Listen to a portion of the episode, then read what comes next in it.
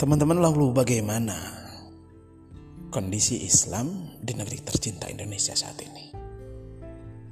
Teman-teman tentunya tidak bisa kita serta-merta menutup mata dan telinga kita seolah-olah kita sedang tidak terjadi apa-apa terhadap Islam di Indonesia. Bagaimana tidak di era pemerintahan yang sekarang. Terlebih sejak terjadinya peristiwa 212 di Jakarta yang menghebohkan seluruh dunia. Umat Islam sejak saat itu benar-benar mencuri perhatian pemerintah. Sayangnya, Islam di Indonesia saat ini secara terang-terangan dimusuhi. Secara terang-terangan ditunjukkan ketidakadilan terhadap umat Islam. Bagaimana tidak?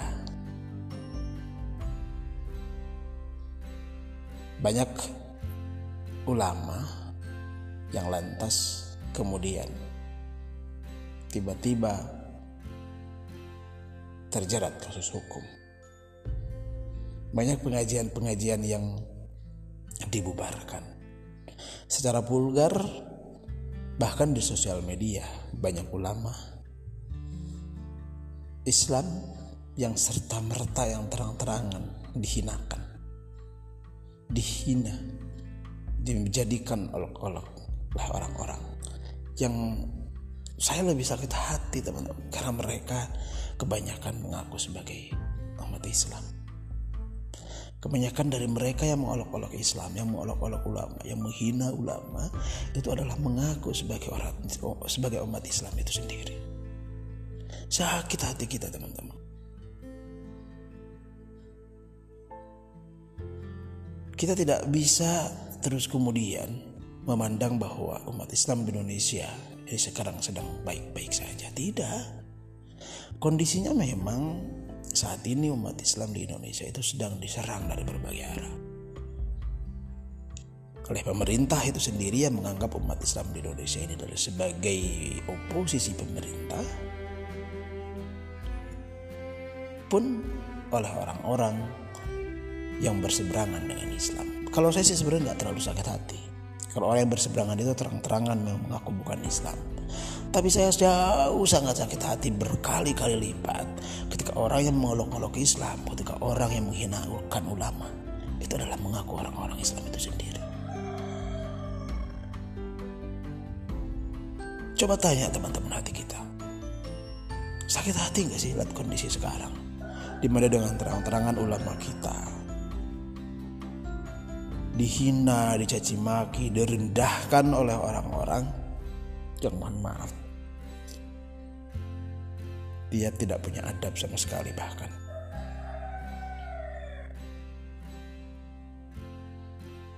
Kita semua tahu bahwa ulama itu adalah kata Nabi adalah ulama itu adalah pewaris para nabi.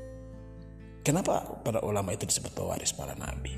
Karena nabi di akhir hayatnya itu menyampaikan kepada kita kepada umatnya melalui sebuah hadis bahwa Nabi Shallallahu Alaihi Wasallam hanya meninggalkan dua hal, hanya mewariskan dua hal untuk umatnya. Dan ketika umatnya itu memegang teguh kepada dua hal itu, maka kita akan selamat dunia akhirat. Itu kata Nabi. Apa itu? Al-Quran dan Al-Hadis. Lalu kenapa para ulama itu adalah sebagai penerima atau pewaris para nabi? Karena para ulama itu adalah sebagai penyambung lidah para nabi yang menyampaikan kebenaran Al-Quran dan hadis. Jadi kita sebagai umat Nabi Muhammad ketika teman-teman ketika kita tidak merasa tersakiti ketika ulama kita ketika Islam ketika Al-Quran dilecehkan dihinakan oleh orang-orang yang mengaku sebagai muslim tetapi tindak tanduknya berseberangan dengan Islam, maka pertanyakan kepada diri kita. Sudah benarkah kita mencintai Islam? Sudah benarkah kita mencintai Al-Quran dan Sunnah? Sudah benarkah kita mencintai Rasulullah selama ini? Atau kita hanya sekarang pura-pura cinta? Lalu teman-teman mungkin bertanya, apa yang bisa kita lakukan sebagai orang kecil saat ini? Kita juga masih sibuk dengan urusan-urusan maksiat yang kita lakukan sendiri. Teman-teman ingatkah kisah semut Ibrahim? Bahwa dikisahkan ketika Nabi Ibrahim dibakar oleh api oleh Raja Namrud pada saat itu.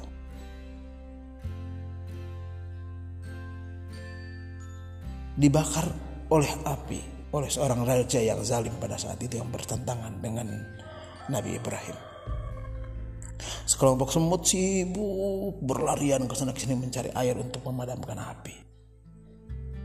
Lalu ditanya oleh malaikat, semut ngapain kamu melakukan itu? Itu adalah tindakan yang sia-sia. Api itu teramat besar, sedangkan apa yang kau lakukan itu akan menjadi tidak ada manfaatnya. Kata semut apa? Wahai malaikat, apa yang saya lakukan ini adalah sebuah tindakan sia-sia di mata manusia. Bahwa saya membawa air itu tidak mungkin juga bisa memadamkan api. Tapi wahai malaikat, sesungguhnya dalam hati yang teramat dalam, kata semut. Saya ingin menunjukkan betapa saya mencintai Nabi Ibrahim alaihissalam kekasih Allah. Saya ingin menunjukkan kepada Allah di mana keberpihakan saya. Di mana kaki saya berdiri, saya berada di barisan Ibrahim. Subhanallah, teman-teman. Jadi segera ambil bagian, ambil tindakan. Pastikan kalau kita benar-benar sedang sakit hati, sedang meradang dengan berbagai, dengan teramat sangat, dengan berbagai kejadian yang dialami oleh umat Islam, terlebih di Indonesia juga kalau kita melihat secara keseluruhan di dunia.